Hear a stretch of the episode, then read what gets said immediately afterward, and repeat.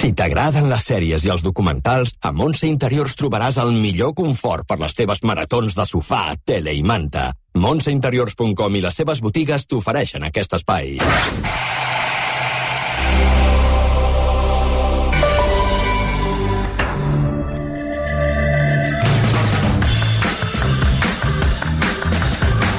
És que, esclar, ara... De què hi ha? No, perquè jo, la Marta, jo li deia a la Sí, Marta que, sí, clar,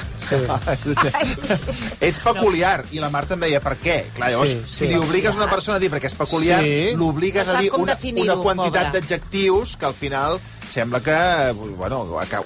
Dic que Que sembla... la tractis de trastocar. No, però vull dir que la Marta és peculiar. Sí, sí sí, jo ho també soc peculiar. ¿Cuántos collares debes tener en casa? Porque, Ara. a- a- Molts. Veus? Molt, Quan? Ja M'agrada molt. a- aquí yo te llamo la collares. Sí, La m'agrada Collares. molt els És, collares. és la Collares. És veritat.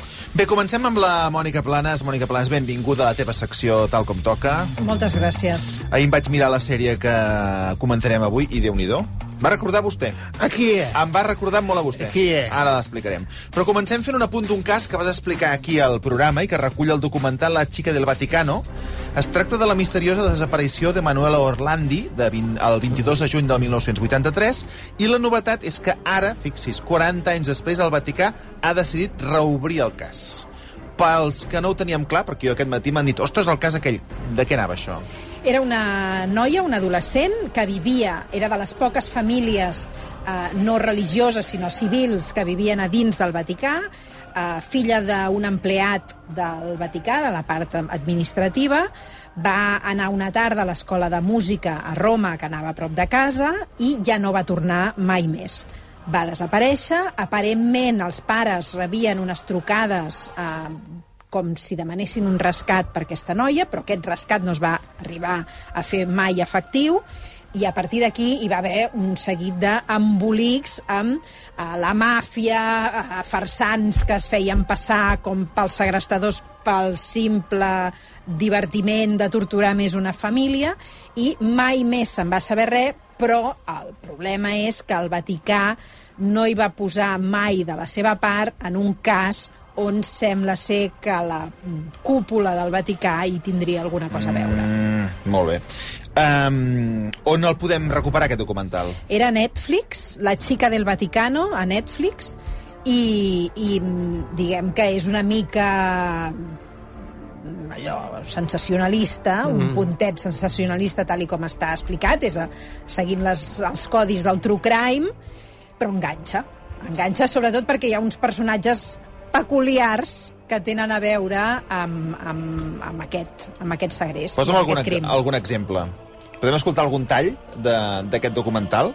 perquè avui aquesta notícia és portada de pràcticament tot arreu i crec que si volem ampliar d'alguna manera el cas, no? podíem fer servir, encara que dius que és sensacionalista, podem fer servir de base aquest documental.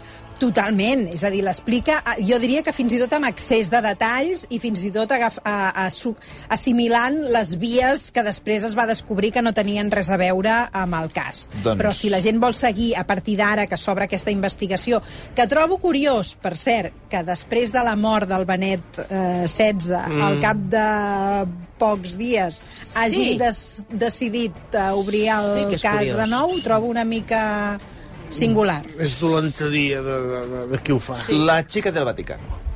Todos los domingos el Papa se presentaba ante la multitud en la plaza de San Pedro. Y cuando Juan Pablo II era Papa, siempre había una gran multitud. Había un micrófono colocado cerca del balcón y el Papa decía unas palabras.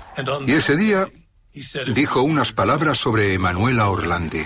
Desidero esprimere la viva partecipazione con cui sono vicino alla famiglia Orlandi, la quale è nell'afflizione per la figlia Emanuela di 15 anni, che da mercoledì 22 giugno non ha fatto ritorno a casa. Era el Papa.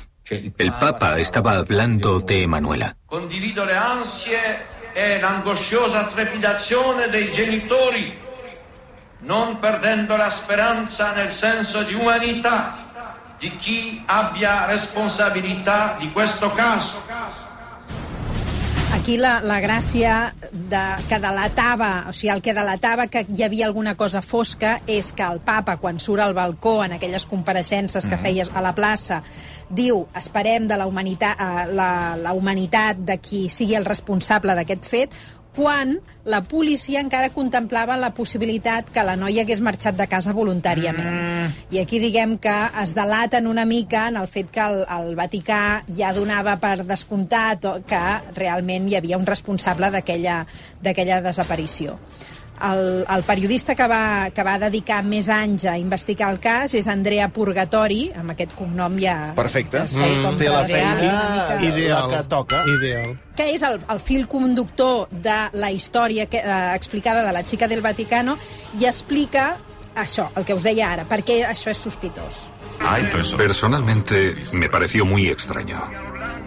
Sus palabras son, mi rivolgo a coloro y quali hanno la responsabilitad di questo caso. Me dirijo a los responsables de este caso. Queriendo decir que, en cierto modo, sabe que ella fue secuestrada. Di questo caso. Número dos. Cuando dice, espero que sea devuelta a su familia, significa que sabe que está viva. Alla famiglia Orlandi abbia responsabilità di questo caso. Al mismo tiempo, la policía estaba investigando algo completamente diferente. Estaba investigando en Campo de Fiori si estaba vendiendo cosméticos y decidió tomarse unos días de descanso lejos de la familia. Però aquí el Vaticà tenia unes altres policies més espavilades que tots aquests carabinieris que no saben si pugen o si baixen. Això és La xica del Vaticano, que Ah. podreu veure a Netflix i tenir més context sobre La el cas d'Emanuel Orlandi, però avui parlem d'un altre documental que podeu veure també a Eh, Netflix. Eh, es podria dir Senyor Marcelí i los Lobos, Sí. però es diu Misha i los Lobos. A Netflix, 89 minuts, Perfecte. no cap sèrie... Perfecte, vaig veure ahir al vespre. Es, I passa molt Passa bé. molt bé, sí, Ràpid, a més, la història t'enganxa. Però ja lo cito, Mich. Això no, no Tu esperis, cito. esperis, Ah. esperis. Però és una senyora Ah, és una senyora. una senyora que es diu, diu Misha. Uh, la setmana passada vam parlar d'un farsant, recordeu, aquell personatge Sí. a Escòcia que tenia 36 anys i es va fer passar per un estudiant de 16 en un Sí. institut.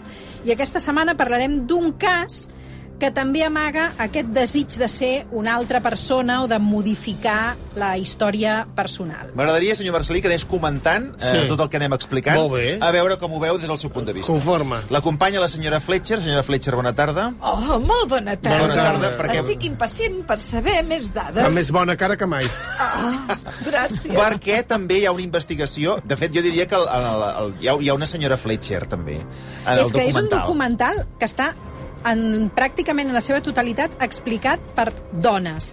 I és un cas on tot de dones es van Ui. veure uh, participant... Ui, Per què diu Què? ui? Quin problema hi ha? ferra-te. Com? Dones, i a més és a que més... de veritat, eh, això, senyor Marcelí, dones- no es pot aguantar. Algunes d'elles extraordinàries. Sí, i, i, i anònimes, també, és a dir, que no, no, no Dones- tenien... Eh, es, va- van posar a investigar sense ser investigadores, per això dic que la senyora mira, Fletcher... Mira cómo dice Misha los lobos, porque las mujeres son lobas para las Ara, mujeres. ara, Bueno, va, no va va, això. no, és un altre tema. Ara, és un altre tema. No ens desviï, La no, ens desviï de la Vinga, va, història. som-hi. és una història apassionant, Alerta, eh, vostès dos? Sí. molt ben explicada, sobre una supervivent de l'Holocaust, i molt diferent al que estem acostumat, eh, acostumats que són aquestes històries. La protagonista és Misha de Fonseca, una dona d'origen belga que viu als Estats Units, a la petita localitat de Millis, a prop de Boston. És d'origen jueu i refà la seva vida als Estats Units tots coincideixen els seus eh, veïns, que era una dona una mica excèntrica, peculiar, el que dèiem ara, sí. però és una dona que es relaciona amb la comunitat, que té bon tracte amb els seus veïns i que els seus veïns l'estimen. Com diuen ells, localitat petita, família gran, i per tant consideraven que aquesta senyora era de la Com família. deien, la calòrica és millor bons veïns que parents a Mallorca. I tant, val més un país a la porta que un parent a Mallorca. Va, era això, més o menys. Uh, ell explica la seva història a algunes persones i una periodista de la ràdio local d'aquell poble al saber-la, la convida a la ràdio perquè expliqui la seva història. És el que hauríem fet tots. Coneixem algú que té una història extraordinària i dius, això, això s'ha de saber. S'ha d'explicar. Això. Sí, sí. S'explica a la ràdio, tothom queda eh, al·lucinat, i coincidint amb una celebració jueva que es fa a la sinagoga d'aquella localitat, li demanen que expliqui un altre cop la seva història, de tal manera que cada vegada hi ha més gent que la coneix. I una de les seves veïnes, que és editora, veu, es, escolta aquesta història i diu, home, això és un llibre. La Misha ha d'escriure un llibre de les seves memòries i explicar el que li va passar. L'editora es diu, es diu Jen Daniel i al·lucina. Con solo siete años, caminó sola durante años por los países invadidos por los nazis, recorriendo miles de kilómetros en busca de sus padres deportados. Misha es ahora una mujer judía que reside en la zona de Boston. Sobrevivió al holocausto y está aquí para contar su increíble historia de valor y supervivencia. Pues molt gros, això que li va passar. Sí que és gros, sí. que És molt gros, sí, és sí, molt sí. gros, per això tothom vol que expliqui la, la seva història. Però que anava caminant pe- pels països. va marxar, va, va abandonar la família que l'havia acollit. Hem de tenir en compte, a, a veure, aquí hi ha Però hi una, havia, hi una havia part... gent que ajudava molts jueus a amagar-se dels nazis. Ah, exacte. De fet, en, en el documental hi participen les persones que envolten aquest cas, d'acord? I una actriu fa de Misha, perquè la Misha eh, no vol participar Ah. en aquesta història, per tant sentireu a vegades la seva veu parlant en primera persona, però no és ella, sinó una actriu que fa d'ella a partir de les memòries que va escriure en aquest llibre. Ara entendreu com comença aquesta història. Nunca me habría imaginado que oiría algo así. Cuando Misha tenía siete años, a sus padres los arrestaron los nazis. Y a ella le dijeron que los habían deportado. La dejaron a cargo de una familia católica de apellido De Wall. Ahí estaba segura. Le dieron una nueva identidad, Monique De Wall. Aquel engaño la salvó, pero allí se sentía marginada. Acabé en una familia que no me quería, por no decir algo peor. Me odiaban, me llamaban inútil. Solo el abuelo de su familia de acogida la trataba bien. Me dijo que mis padres estaban en Alemania. Me enseñó con una brújula que estaba al este, así que no parecía estar muy lejos. Ja tenim una nena a Bèlgica, perd els pares, que queden a mans dels nazis, l'adopta aquesta família catòlica i li esborren la identitat. Per tant, la missa explica que ella no sap qui és, que no recorda quins són els cognoms, el nom que li van posar la seva família eh, de veritat, Bueno, però d'origen. li, li fan per salvar-la. Sí, clar, sí, sí, sí. clar. Però ella per després no pot, no pot remuntar la seva pròpia història perquè l'ha perdut, no la, no, la, no la recorda. En aquel momento, Misha tomó una gran decisión. Puso su vida patas arriba. Con siete años, decidió ir caminando a Alemania en busca de sus padres. Así que cogió su brújula y algunas provisiones y se dirigió al este. Sabía bien qué necesitaba. Solo lo básico.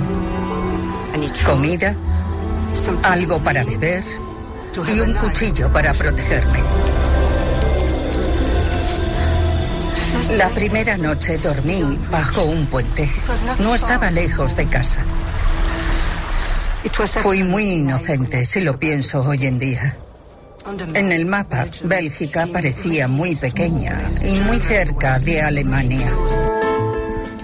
La Misha es converteix en una nòmada solitària, sent una nena de només 7 anys. Les imatges són tremendes. Eh, Clar, no, no, no tenim fotografies d'aquell moment, però hi ha la recreació. Però és on que veus set anys és molt petita, És que és eh? una nena petita És que caminant petita, des, pràcticament descalça, amb unes sabates que Jesús, s'han anat desgastant. Vestideta, com Sí. les vestien aleshores a les Sí. nenes en aquella època. Pel mig del bosc. Ella troba una societat, eh, diu, ella explica que de tant en tant passa per ciutats que queden, estan devastades per la guerra, perquè veu com maten els homes, que es troba en situacions d'un d'un gran perill i, per tant, ella, on se sent més acollida és en la vida salvatge i aleshores hi ha tot un relat sobre la connexió que ella estableix amb la, amb la natura. Però què menja aquesta nena? El que va trobant, eh, a vegades robava ous en una granja... De vegades li donaven eh, algun menjar, el que sigui. I anava fent el, el seu camí.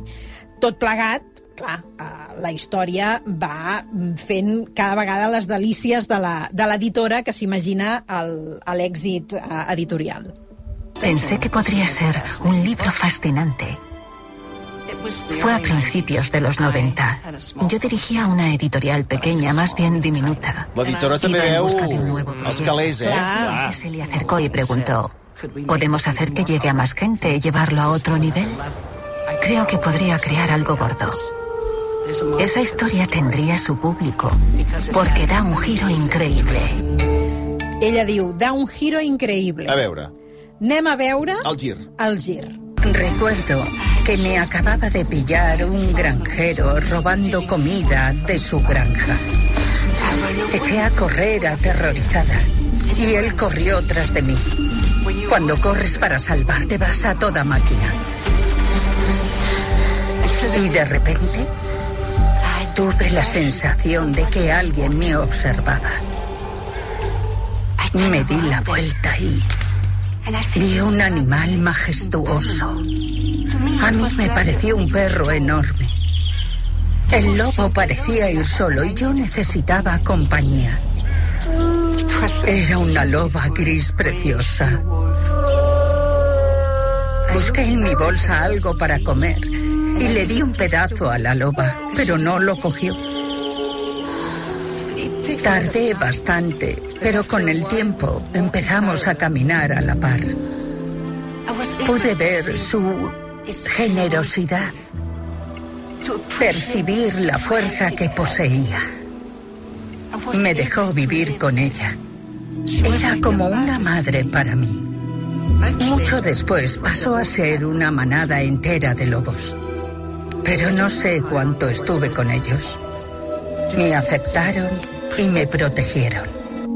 Sí, clar, això no és un llibre, és que és, que és una, una pel·lícula i una sèrie... I això te demostra Per- per- el que perquè és- sempre he dit que són més persones que les persones Sí, els ara- animals. ara. Els gossos, els També llops... et, dic, també et dic que és una cosa estranya, perquè els llops, si tenen gana, els és igual, eh? Les imatges que es veu, les imatges que es veu que són recreacions, es veu que el comparteixen... No, ell, de fet, ella explica que el menjar que els hi sobra amb ells és la que es menja ella. Exacte, sobretot que primer, ell explica els, els rituals que segueixen els llops, que Sí. primer menjava el mascle alfa, després el que menjaven la resta de llops, i ella diu que ja en tenia prou amb les restes que quedaven de... de... I anava amb tot de llops, sí, ella. A, les, Sí. a la recreació de les imatges es veu ella caminant i alguns llops al costat. Sí. A lomos, ¿no? Y encima... No, a lomos No, no, no, no. tant no. Senzillament eh, és inclòs en el grup. Penseu que aquí a Catalunya hi ha un munt d'històries de nens robats per llops, Efectivament. eh? Ah, Sí, home, i Però. Sí, però sí, poca verdad, broma, eh? Poca Quan broma vulgueu, això. Quan vulgueu vinga a parlar d'això al programa. és que potser no... Sí, home, Hay un montón de No, bebés, això no és de bebés això no és- robados por lobos. Sí, que és, això, és, això és verídic, lobos. això està escrit amb, Sí, sí, amb sí, sí. històries de fa, I- fa molts anys, tant. quan hi havia Això. molts llops a Catalunya. Bueno, ara veurem on va anar per als llops. Jane Daniel, l'editora, insisteix molt en que escrigui el llibre. Al principi la Misha no ho vol fer. Finalment la convenç la comunitat de, sisplau, escriu Perquè aquest ella llibre. diu que és tornar a reviure tot Esclar, aquest tràngol. esclar. És dolorós. I que, en certa manera, explica que un cop cedeix a aquesta petició, ella pateix molt escrivint aquell, aquell, aquell llibre. I és un èxit total. Todos los editores extranjeros, uno tras otro, vendimos los derechos de traducción en todo el mundo. Mi agente vino de California y me dijo que la quería Disney. Y punto, la quería. Ja tenim a Disney. El que faltava, home, és que, és clar... Aquests paguen bé, es veu. Sigui, paguen bé i, a més a més, la història és perfecta per de Disney. Estem parlant ja de molts diners, però és que la vol Disney i també la vol una altra persona que als Estats Units, si aquesta persona et fa cas, pots donar la teva vida per resolta durant un quant temps. Cuando el libro se publicó en abril de 1997, pensé, a ver si conseguimos que Oprah hable de él. Okay, this is one of my all-time favorite moments I'm having on television. En esa época tenía un club de lectura. Si Oprah hablaba de tu libro, te garantizaba vender millones de copias. Era como ganar la lotería. Then we'll meet back here in a month and we'll talk. Nos dijeron que le interesaba. Fue algo muy, muy importante. Y empezamos a creer que íbamos camino de vender un bestseller de los gordos. Igual que el Grasset, eh? El Grasset, quan presenta Sí. un llibre al programa, ja allò és Igual, un igual. èxit de vendes a lo loco, eh? Bueno, perquè és l'Ofra Winfrey d'aquí, Ah, és l'Ofra d'aquí, és el nostre. I fa aquella frase abans de començar el programa, eh? Sí. I el poema de Nadal damunt de la cadira. Allò és Allò és preciós. molt maco de veure. Perdoni, però on està el cadàver? Ah, bueno, Qui de ha moment... matat aquí? No, no, Els esperis, no, hi- no hi ha cadàver de moment. De moment encara no ha. som nosaltres, que fot un fred aquí, que, que quedarem tiesos. Què Però Sí, ahir, ahir feia una Sí, calor ahir que no podia calorada. Però- Avui, Estem a la morgue, això. Tengo ahir, los, los pezones como harpia. ahir el Ramon Gené, que va venir amb samarreta màniga curta, avui no, avui hagués pogut venir amb anorac, amb tres plomes, perquè fa una, un fred tremendo. de geló. Bueno, però ja estem una mica ambientats, perquè també era Sí, aquesta criatura sí, sí, que sí. caminava pel mig del bosc, Pel amb bosc, neu... sí, sí, eh, neu i fred. L'ambient ja ho Sí, demana, sí. això, una Sí. mica. L'equip de l'Oprah Winfrey es posa a treballar i volen imatges de la Misha en contacte amb els llops. Clar. Com que la Misha té una amiga que té un centre de protecció on tenen llops en, en captiveri per protegir-los, eh, que és una dona que també surt al seu al, al documental i que es fan A mi també amigues... em va semblar raro que tingués això. una amiga que tingués llops, però Home, vaja... perquè si t'agraden tant els llops, tu Clar. saps Bueno, que hi ha busques, un lloc a prop, busques, no? busques, val. i et fas amiga d'aquella senyora i es veu que ja sabem que la Misha tenia això un vincle especial amb aquests animals i per tant es converteix en habitual d'aquest centre. I per tant van allà a gravar imatges de recurs per al dia que la Oprah l'entrevista i, i faci el programa. Jane Daniel me dijo que Oprah se estaba planteando hablar de la historia de Misha y que si podían enviar un equipo de producción para grabar a Misha con un lobo. Así que le dije que sí, claro.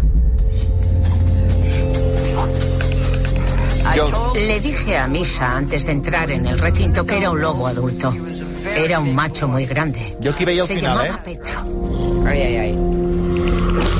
Solo entró Misha. El técnico de sonido sacó el micro por la valla. Él no entró. Misha se puso en cuclillas y le dio de comer queso al lobo. Era muy cariñoso. Todo iba de maravilla. Entonces el lobo decidió posarle las patas sobre los hombros. Petro se apoyó sobre sus hombros y era mucho más alto que ella. Y de repente y muy rápido, el lobo abrió la boca Y se llevó su cabeza entera a la boca. despacito. Colmillos a ambos lados de la sien. No me asusté. Nadie me había hablado del lobo feroz, ¿saben? El lobo le agarró la cabeza durante un minuto. Nos quedamos sin respiración. La productora de Oprah la miraba. Y luego, tan rápido como lo hizo, la soltó. Y entonces Misha dio un paso atrás y soltó un aullido. Se eh? pone la piel de gallina al Ella. contar la historia. Y desde atrás, muy al fondo del recinto, escuchamos un aú contestándole. Cuando aulló, ellos aullaron inmediatamente. Una escena màgica Màgica del tot, jo no donava crèdit. corrobora aquesta Però això va connexió. haver-hi testimonis, és a dir... Sí, sí, sí, sí, és, és que es veu, Això és que està, es veu. grava, està gravat, A veure, es veuen les imatges, és a dir, es veuen les fotografies de les De imatges. les, ex- ja les, No es veuen les imatges. Les No. imatges tal qual, gravades per un programa de televisió, no es veuen. Però hi ha un testimoni. Unes, un parell de fotografies que recullen el, I gent el que ho va veure, que va passar Sí. això. Que, com, per exemple, aquesta senyora mateixa que ho explica, la de la residència dels, Dels de llops. llops, és qui ho va veure. Mm.